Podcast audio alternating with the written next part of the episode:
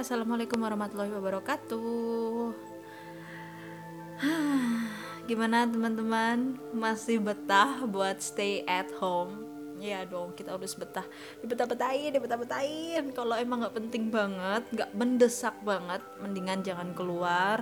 Dipikir berkali-kali, perlukah untuk keluar kayak gitu? Karena biar teman-teman yang melawan virus ini nih tetap terjaga kesehatannya biar mereka juga ya tetap sehat lah. Jadi yuk kita sama-sama saling menjaga saling mendukung biar Indonesia dan dunia itu cepat kembali pulih. Jadi biar nanti kita bisa terawehan kita bisa um, lebaran dan yang sudah kangen sama pasangannya untuk yang LDR atau yang nggak LDR pun pasti kan tetap kena karantina mandiri ya. Itu biar cepat ketemu lagi. Kasihan kan sudah menahan rindu. Oke oke. Okay. kembali sama bunga yang akan membacakan tiga kiat dari buku Don't Sweat the Small Stuff in Love karya dari Richard dan Christine Carson. Jadi sudah um, episode ke-15 dan kali ini Bunga akan membacakan tiga kiat dengan judul Tanggapilah dengan cinta. Yang kedua ada bercerminlah dan yang terakhir biarkan pasangan Anda menjadi manusia biasa. Ya, dari judulnya ini Bunga baca dan baca sekilas sih. Itu tentang bagaimana mengontrol emosi kita, amarah kita bersama pasangan. Jadi jangan sampai emosi atau amarah itu malah memperburuk keadaan dan hubungan kita bersama pasangan. Nah, di sini Bunga akan bacakan kiat-kiatnya dan semoga teman-teman bisa mengambil ilmunya dan mempraktikannya juga di kehidupan sehari-hari. Jadi ketika nanti ketemu, wah, kamu semakin dewasa, kamu semakin idaman. Asik. Karena teman-teman mau mempraktekkan sebanyak kiat-kiat yang telah Bunga share ini. Oke, okay, jadi langsung aja daripada kita lama-lama kita dengarkan bersama-sama kiat yang pertama yaitu tanggapilah dengan cinta. Selamat mendengarkan.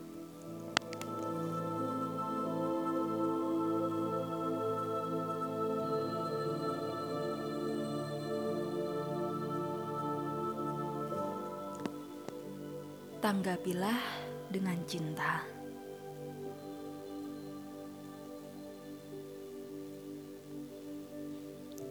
Saran ini adalah yang paling jelas dan sederhana di buku ini. Tetapi ini juga merupakan dasar hubungan yang penuh cinta. Meskipun tidak selalu mudah dipraktekkan, tetapi kiat ini merupakan sikap dan tindakan yang selalu paling baik dan layak dilakukan.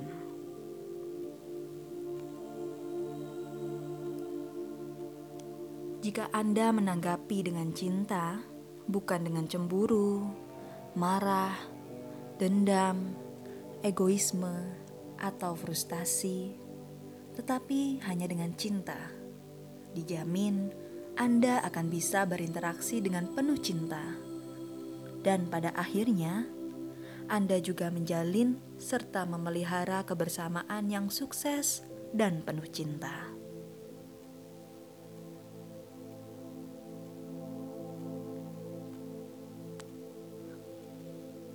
Anda tidak akan meributkan masalah kecil. Anda akan mampu mensyukuri karunia yang besar. Anda akan bersikap non-defensif, non-reaktif, dan bersedia menerima segala sesuatu apa adanya. Anda akan melihat bahwa semua yang penting dalam hubungan Anda secara ajaib akan menjadi beres, termasuk berbagai masalah yang sulit.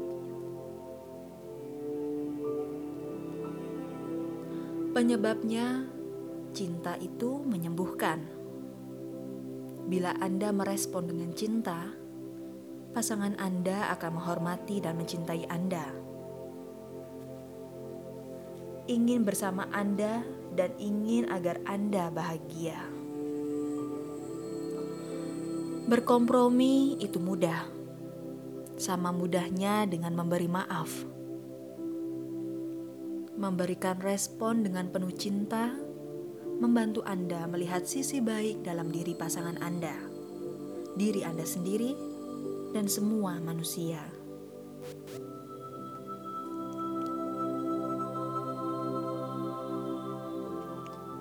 Bila Anda merespon dengan cinta, pasangan Anda akan bisa menerima kekurangan mereka tanpa bersikap defensif atau merasa terancam.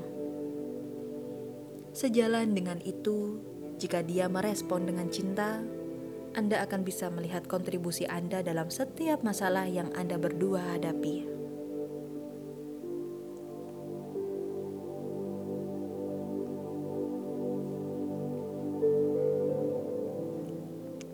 Saya sudah banyak berpikir tentang kiat ini dan tak bisa menemukan kekurangannya. Setiap guru spiritual yang hebat dan setiap tradisi spiritual yang dihormati menganjurkan kebajikan ini. Dan setiap buku spiritual yang hebat pasti berisi ajaran kearifan seperti ini. Lebih dari itu, jika Anda berbincang-bincang dengan pasangan-pasangan yang berbahagia tentang saran mereka untuk menjalin hubungan yang kuat, kiat ini hampir 100% pasti ada di bagian atas daftar mereka. Kiat ini telah diungkapkan dengan begitu banyak cara, tetapi pesannya sama. Ringkasnya begini: tanggapilah dengan cinta, dan semuanya akan beres. Keberatan yang paling konsisten atas kiat ini adalah: aku sudah mencoba, tetapi pasanganku tidak mau. Jika Anda merasa seperti itu, itu artinya Anda tidak memberikan respon dengan cinta secukupnya. Tentu saja, ada banyak kekecualian yang langka. Misalnya, jika di dalamnya ada pelecehan, tetapi pada umumnya yang diperlukan adalah lebih banyak cinta.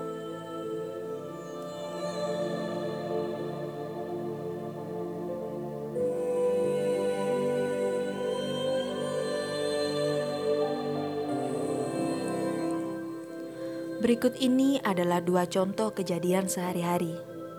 Contoh pertama, misalnya pasangan Anda masuk rumah dengan tampang keruh sambil membanting pintu. Apa yang harus Anda lakukan? Reaksi pertama kita mungkin langsung berteriak dengan kesal. Kenapa kamu marah-marah? Atau mungkinkah lebih baik bersikap sabar, penuh pengertian, dan penuh kasih. Tak ada resep untuk dengan cepat dan tepat menggambarkan apa yang mungkin Anda katakan atau lakukan. Sebaliknya, reaksi Anda akan terjadi secara alamiah jika hati Anda menanggapinya dengan penuh cinta.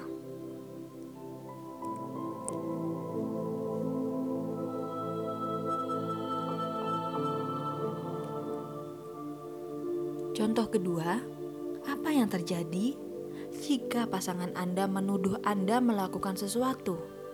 Padahal dalam hati Anda tahu itu tidak benar. Misalnya, Anda kurang partisipatif atau tidak mengerjakan tugas Anda. Anda bisa bertindak, merasa, dan menanggapi secara defensif, seperti yang mungkin akan dilakukan banyak orang anda bisa membalas dengan komentar yang menyakitkan.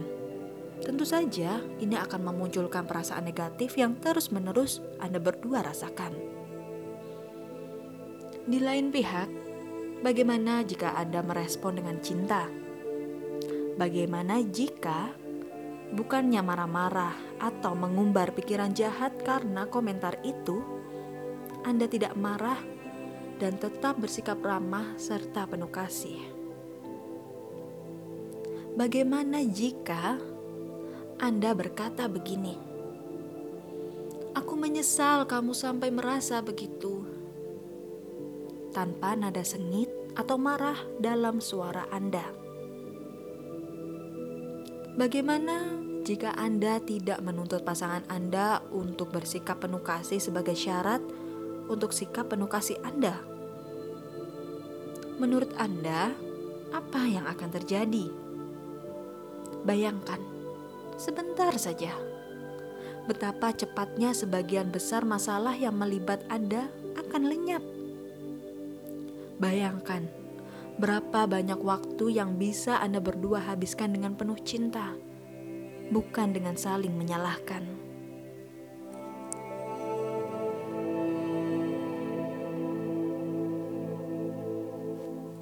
Tak ada manusia yang sempurna, dan tak seorang pun bisa selalu memberikan respon dengan penuh cinta. Kami berdua jelas tidak. Tetapi dengan jujur, bisa kami katakan bahwa itu adalah cita-cita kami. Saya katakan begini: meskipun perjalanan hidup kami masih panjang, sekarang kami semakin sering menanggapi dengan penuh cinta daripada sebelumnya. Menurut kami, jika respon penuh cinta tidak menjadi saran dan prioritas dalam hubungan Anda, kiat ini takkan berhasil. Mungkin Anda akan menghabiskan seluruh hidup Anda dengan menunggu pasangan Anda berubah dan lebih sering mengungkapkan cintanya. Atau mungkin Anda akan selalu menunggu pasangan yang sempurna. Seseorang yang tidak akan pernah bertindak dengan cara-cara yang tidak Anda sukai tidak mungkin. Satu yang kami yakini, setiap pasangan bisa lebih bahagia, lebih mencintai, dan semakin jarang meributkan masalah kecil jika mereka secara individu maupun sebagai pasangan bertekad untuk selalu memberikan tanggapan dengan penuh cinta.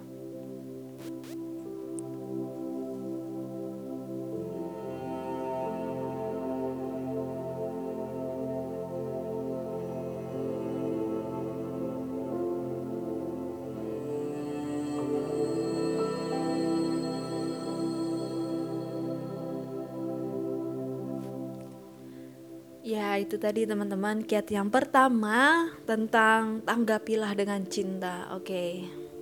Gimana menurut teman-teman? Setuju nggak kalau kiat ini nih benar-benar ampuh ya untuk segala permasalahan, entah itu dengan pasangan, entah itu dengan keluarga, teman, bahkan tetangga. Itu kiat ini ampuh banget ya.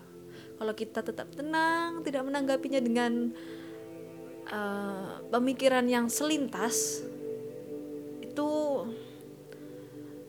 kita pasti akan mendapatkan dampak yang baik teman-teman.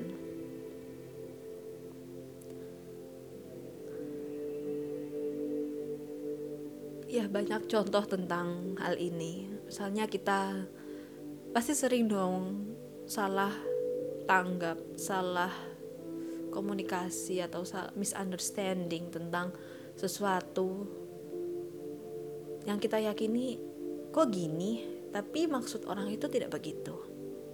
Lalu kita tanggapi dengan negatif. Malah merusak ya kan? Tapi lain halnya jika kita menggunakan juga logika kita tunggu-tunggu. Sebelum aku menanggapinya dengan hal ini ku baca lagi. Ku coba teliti lagi. Ku coba mengerti lagi.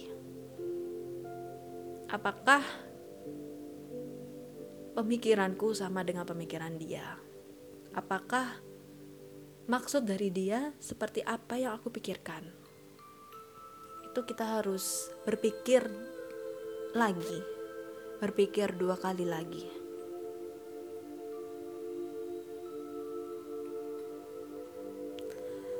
Itu kiat yang pertama, teman-teman. Jadi langsung aku sambung ke kiat yang kedua. Judulnya adalah bercerminlah. Oke, sudah siap mendengarkan? Masih bersama Bunga di sini? Oke, terima kasih dan selamat mendengarkan.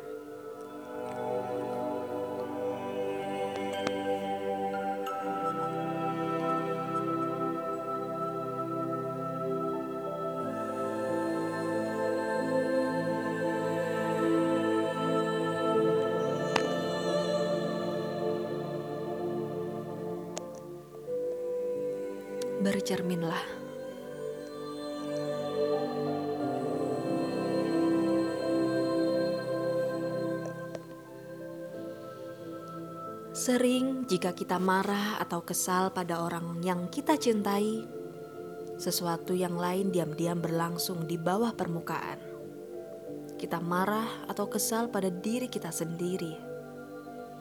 Ya, benar, pada diri kita sendiri. Tetapi karena lebih mudah menyalahkan orang lain, dan pasangan kita adalah orang yang paling dekat dengan kita, maka kita lebih sering menyalahkan dia. Kita tidak mau bercermin dan menghadapi kenyataan. Tidak lama setelah anak pertama kami lahir, Chris dan saya melewati masa-masa ketika saya merasa frustasi gara-gara dia. Saya merasa frustasi karena saya bekerja terlalu banyak. Saya bekerja penuh, ikut kuliah pasca sarjana, dan berusaha keras untuk menjadi suami dan ayah yang baik. Jika Chris menghabiskan waktu untuk dirinya sendiri, berolahraga di pusat kebugaran, atau mengobrol dengan teman-temannya, saya merasa iri dan dendam. Saya bertanya pada diri sendiri, mengapa dia punya waktu untuk dirinya sendiri, sementara aku harus jungkir balik begini? Kelihatannya tidak adil. Saya selalu menghabiskan seluruh waktu saya untuk bekerja, belajar, atau menghabiskan seluruh waktu saya untuk bekerja belajar, atau mengasuh bagi kami. Meskipun saya menyukai semua yang saya lakukan, lebih-lebih menjadi seorang ayah, saya tak punya waktu untuk diri sendiri. Saya letih dan tenaga saya terkuras habis.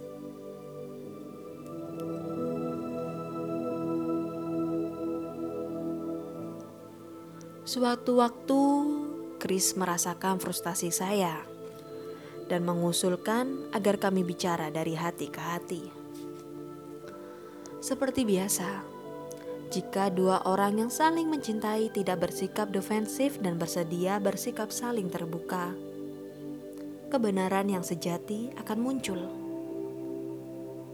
Realitasnya begini, saya sebenarnya tidak marah pada Chris Sebenarnya saya iri karena dia bisa bekerja paruh waktu, menghabiskan banyak waktu dan energi untuk berada bersama putri kami. Dan entah bagaimana masih bisa menyisihkan sedikit waktu untuk dirinya sendiri.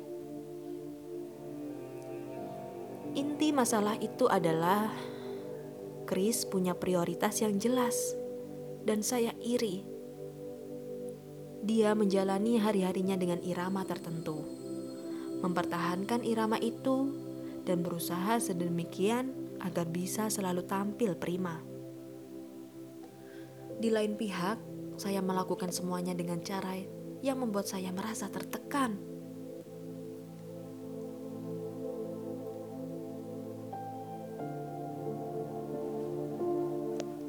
Saya renungkan kembali kejadian itu dan saya bisa melihat bahwa lebih mudah menyalahkan Chris daripada mengakui bahwa saya dan karena saya sendiri yang membiarkan hidup saya tidak terkendali. Saya terlalu banyak membuat komitmen. Ada yang memang penting, tapi ada pula yang sebenarnya tidak perlu. Saya kesal karena saya tidak punya waktu untuk diri saya sendiri tidak seperti Chris. Saya tidak cukup menghargai diri saya sendiri dengan menyisihkan beberapa menit sehari untuk mengurus diri. Saya tidak mau bertanggung jawab atas keputusan saya sendiri. Saya bersikap seakan-akan saya ini seorang martir atau seorang korban.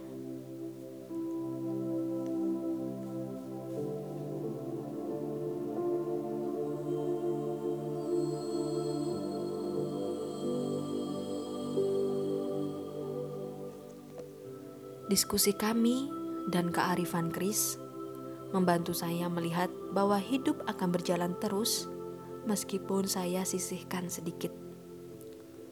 Saya menyisihkan waktu sedikit untuk diri saya sendiri.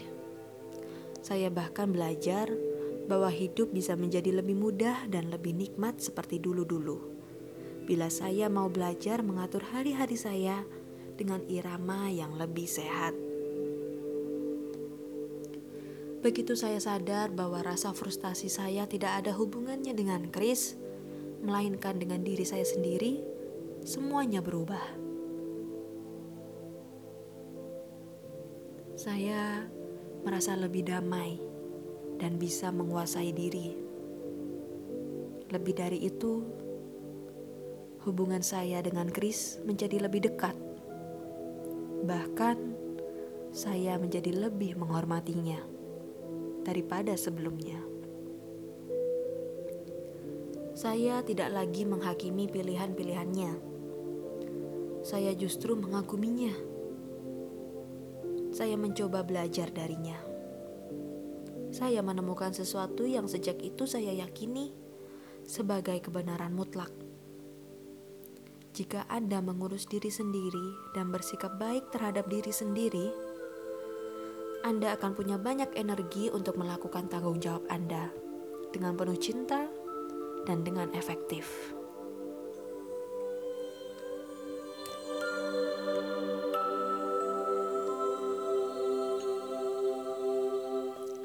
Kita mudah tergoda untuk menyalahkan pasangan kita, sebagian atau sepenuhnya, dan menganggap dia sumber rasa frustasi kita. Gagasan untuk bercermin berlaku bagi banyak aspek dalam hubungan antar manusia. Jika Anda merasa frustasi, itu adalah tanda bahwa ada yang tidak beres pada diri Anda. Saran kami begini: jika Anda marah, dendam, iri, atau frustasi karena pasangan Anda, Gunakan itu sebagai kesempatan untuk mengaca diri Anda baik-baik. Apa yang Anda lihat mungkin menyelamatkan kewarasan dan hubungan Anda.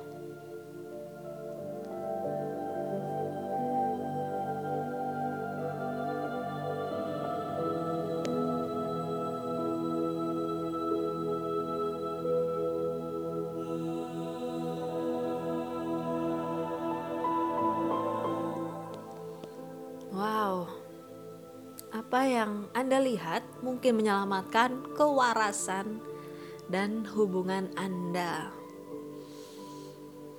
Ya, sering kali kita kalau marah-marah tidak melihat diri kita sendiri ya. Betapa seramnya kita ketika marah, betapa bukan kitanya kalau kita lagi marah. Hmm, ya, jadi kalau kita marah-marah mungkin lebih baik kita harus selalu sedia cermin ya biar kalau kita marah kita langsung ngaca. Oke okay, wajahku kok begini kalau aku marah-marah. Itu cukup serem. Jadi oke okay, hentikan.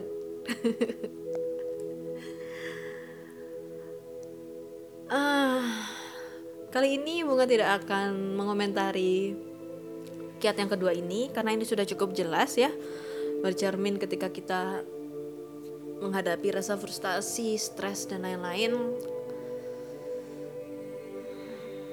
Oke, jadi bunga akan lanjut aja ke kiat yang kedua, ketiga, sorry. Judulnya yaitu biarkan pasangan Anda menjadi manusia biasa. Uh, menarik ya. So, daripada lama-lama kita langsung aja dengerin kiat yang ketiga. Selamat mendengarkan.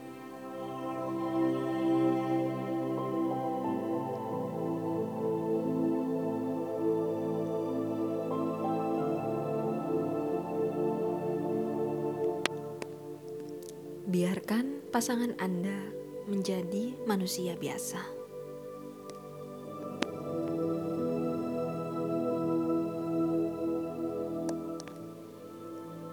Inti persahabatan, jalinan cinta, dan perkawinan adalah kesediaan dan kesadaran kami untuk menerima kenyataan bahwa kami berdua adalah manusia biasa yang selalu berusaha sebaik-baiknya.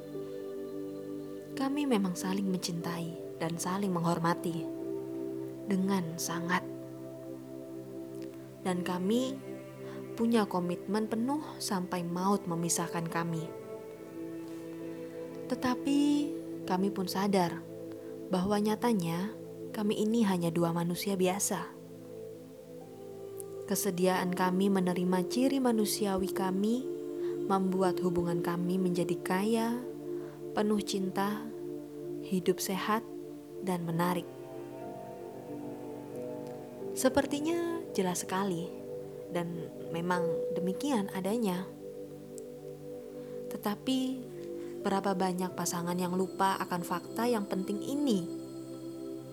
Berapa banyak di antara kita yang marah, iri, atau dendam karena ternyata pasangan kita hanyalah manusia biasa? Berapa banyak di antara kita yang lebih toleran dan sabar menghadapi orang asing daripada menghadapi pasangan kita sendiri? Berapa banyak di antara kita yang mengharapkan sesuatu yang nyaris mustahil dari pasangan kita, dan yang hanya bisa dipenuhi oleh manusia super? Berapa sering kita lupa menyediakan ruang dalam hati kita? Untuk menerima kenyataan bahwa pasangan kita adalah manusia biasa.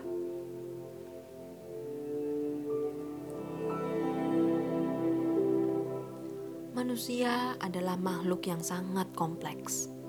Kita, seperti kata Zorba the Greek, adalah kekacauan luar biasa. Kita membuat kesalahan, kita berubah, Kadang-kadang kita salah bicara dan mengecewakan orang lain, termasuk mereka yang kita cintai. Kita sering memberikan penilaian yang adil, tetapi di lain waktu penilaian kita salah. Kita membuat keputusan-keputusan, ada yang bijaksana, ada pula yang tidak. Kadang-kadang hati kita keruh, hari kita sial atau kita dilanda depresi. Kita merasa tidak aman dan kehilangan arah. Kita tidak selalu menjadi pendengar yang baik. Banyak di antara kita yang suka membesar-besarkan masalah kecil dalam hal cinta atau dalam hal apa pun. Kita sering ragu dan cemas. Kita semua pasti pernah mementingkan diri sendiri, merasa takut, rakus, atau terburu nafsu. Jika tidak dalam tindakan, sekurang-kurangnya dalam imajinasi kita.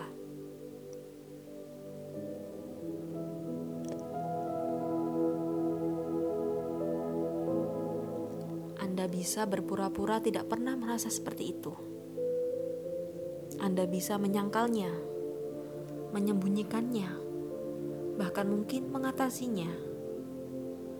Tetapi faktanya adalah Anda adalah manusia biasa. Bahkan, kalaupun Anda punya komitmen penuh terhadap pasangan Anda, ada masalah dan rencana lain di kepala Anda dan di dalam kehidupan Anda.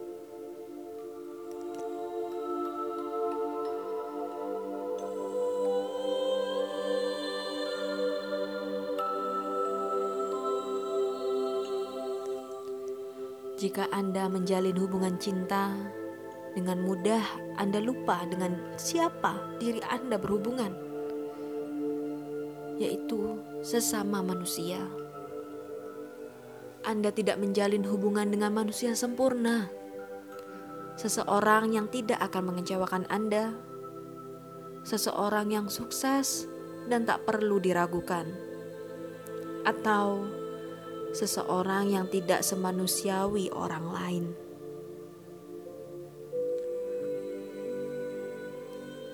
Kami kenal sejumlah pria yang mendendam, bahkan menceraikan pasangannya, gara-gara masalah sepele yang takkan pernah kami pikirkan dua kali.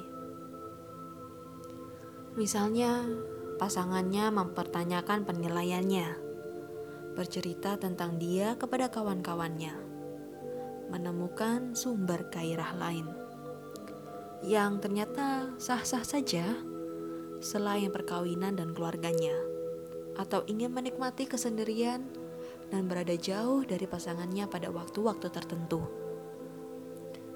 Tetapi begitulah kaum wanita. Mereka manusia biasa. Lalu, mengapa itu dianggap salah? Kami kenal sejumlah wanita yang marah jika pacar atau suaminya ingin nonton sepak bola, atau diam-diam melirik wanita cantik atau bersahabat dengan seorang perempuan.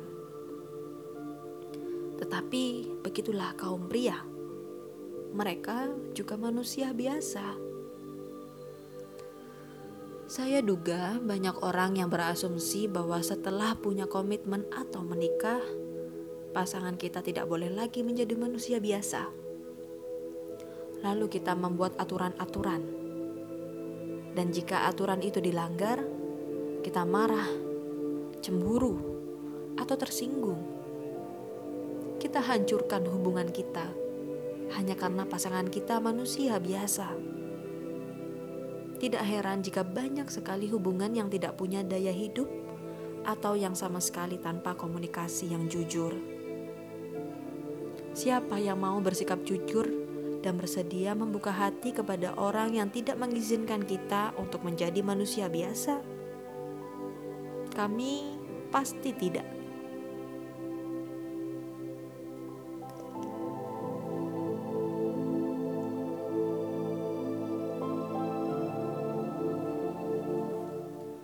Dengan tidak membiarkan pasangan kita menjadi manusia biasa, banyak masalah yang akan timbul. Kami sudah menyebut yang paling jelas, itu tidak realistis. Tetapi lebih dari itu. Jika Anda tidak mengizinkan pasangan Anda menjadi manusia biasa, Anda membangun dinding pemisah di antara Anda dan pasangan. Jika pasangan Anda tidak bisa berbagi impian dengan Anda tanpa Anda kritik, mereka tidak akan mau membuka hati kepada Anda. Itu pasti. Jika Anda tidak bisa mendiskusikan kecemasan Anda tanpa dikuliahi, Anda akan mencari orang lain yang bersedia mendengarkan.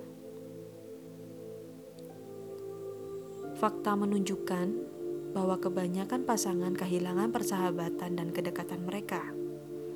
Pada umumnya, karena tidak membiarkan pasangan mereka menjadi manusia biasa. Dengan begitu, mereka justru mendorong pasangannya menjauh secara figuratif maupun secara fisik.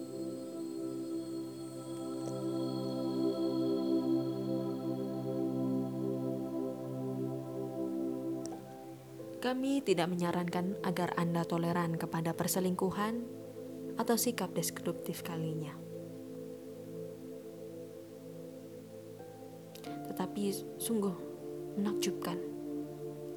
Anda akan merasa bebas dan lega jika bisa memperlakukan pasangan Anda sebagai manusia biasa dan tidak menuntut sesuatu yang tidak realistis atau yang kami yakini bahwa tidak pantas diinginkan. Dengan begitu, Anda berdua bisa mengembalikan rasa bersahabat, mengembalikan kesadaran bahwa Anda berdua manusia biasa, dan bahwa Anda berdua saling tertarik itu akan meneguhkan hubungan Anda dengannya. Dan pada saat yang sama, menghindarkan Anda kemungkinan menjadi marah-marah gara-gara masalah yang kecil. Itu akan meluruskan perspektif Anda dan menyegarkan rasa humor Anda. Kami sering bertanya pada diri sendiri atau pada pasangan kami, "Apa salahnya menjadi manusia biasa?" Mungkin itu sebabnya kami ada di sini untuk memperoleh pengalaman menjadi manusia biasa, untuk tumbuh, untuk menjadi lebih spiritual, untuk mencintai, dan untuk belajar.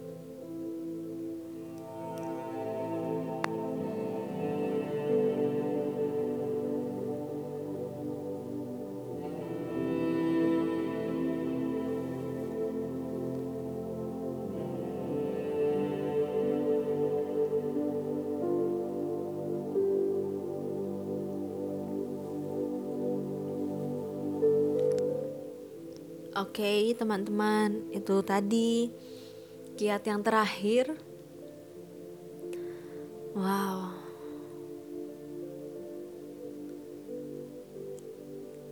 Lagi-lagi bunga tersadar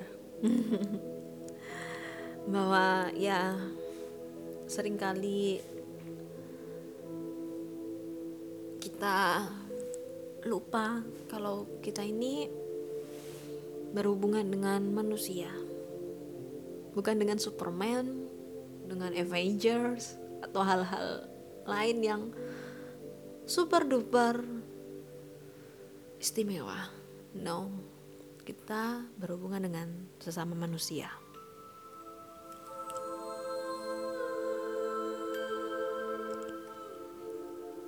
Tapi ya dengan kita menyadari bahwa pasangan kita adalah manusia biasa, harusnya kita juga bisa saling lebih pengertian, saling pengertian, saling mendukung.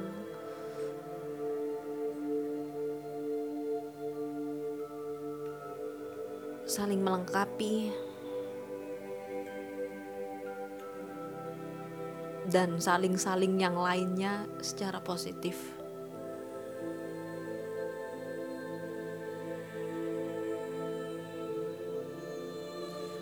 Jika kita punya pasangan atau yang sudah menikah, banyak yang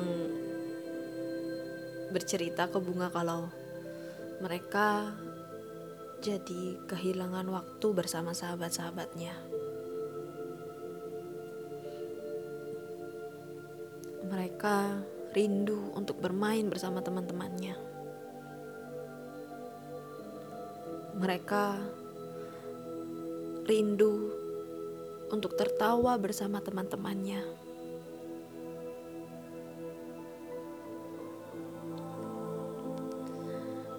Seringkali mereka berbohong kepada pasangannya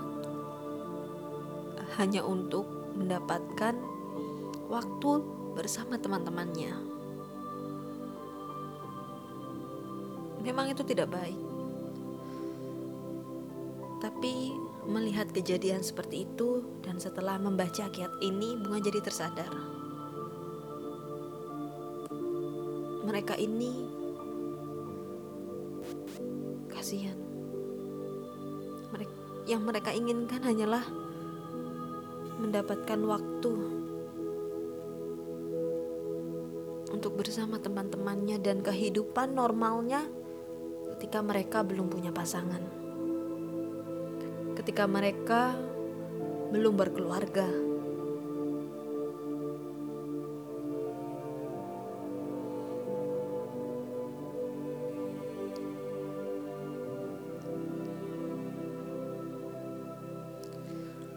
Terutama untuk wanita. Karena jika sudah menikah, seutuhnya wanita adalah milik sang suami. Tapi lagi-lagi wanita harus menurut. Mereka tidak akan pergi keluar jika suaminya tidak mengizinkan. Pasti dengan kejadian-kejadian seperti itu membuat para istri ini lebih mudah untuk frustasi.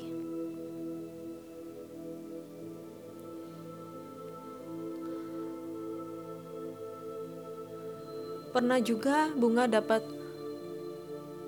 pengalaman uh, mendengarkan kisah seseorang yang mengatakan bahwa seharusnya dia tidak pergi bersama teman-temannya. Waktu itu karena dia sudah menikah dan punya anak. Harusnya dia tidak pergi bersama teman-temannya dengan waktu yang lama. Bunga tanya, ke orang yang protes itu ya kenapa emangnya terus orang yang protes itu bilang ya kan dia sudah menikah dia punya anak dia punya tanggung jawab untuk di rumah dan bersama anak-anaknya kasihan dong anak-anaknya di rumah sendirian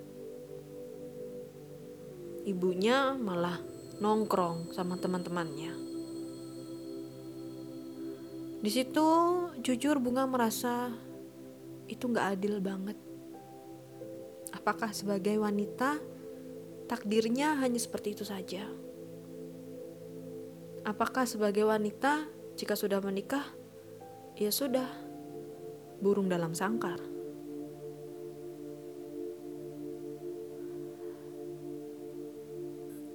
itu di situ bunga langsung benar-benar ya cukup terguncang ya hatinya maksudnya mau marah mau protes tapi rasanya belum waktunya bunga untuk melakukan hal tersebut jadi bunga memilih untuk diam dan berpikir kembali tindakan apa yang seharusnya bunga lakukan agar tidak terjadi perdebatan di antara kami.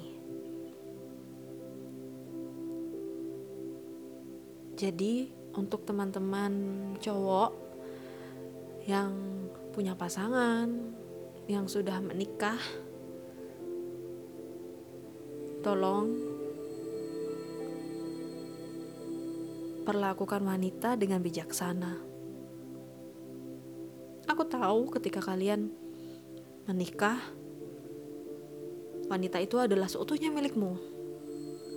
Tapi sebelum kamu menikahi dia, dia punya kehidupannya yang mungkin itu membahagiakan buatnya.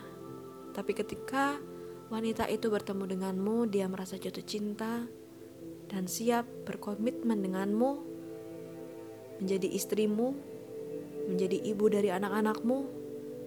Dia melepaskan impiannya. Dia merelakan waktunya untuk bersama teman-temannya hanya untuk menjadi istri yang berbakti kepadamu. Jadi, tolong bijaksanalah. Karena sebagai pria dan sebagai suami patutnya menjadi kepala keluarga yang bisa dijunjung, yang bisa dihormati. Jadi rumah tangga jadi harmonis dan yang belum menikah jangan mentang-mentang belum menikah lalu membebaskan pasangannya pergi begitu saja. Tidak bukan begitu juga maksud bunga. Tetap jaga wanitamu tetap jaga pasanganmu. Karena kesungguhanmu dilihat saat itu juga. Apakah kamu bisa menjadi suami yang baik untuknya, yang bisa menjaganya, yang bisa bijaksana untuk memperlakukan wanita itu sebagai istri yang baik.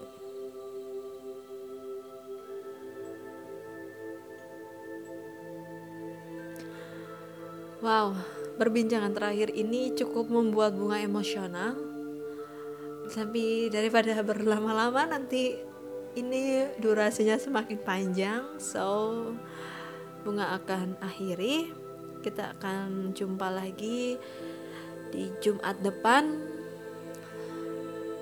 semoga dengan tiga kiat ini teman-teman mendapatkan ilmu dan pembelajaran yang berharga dan bisa dipraktikkan juga di dalam kehidupan.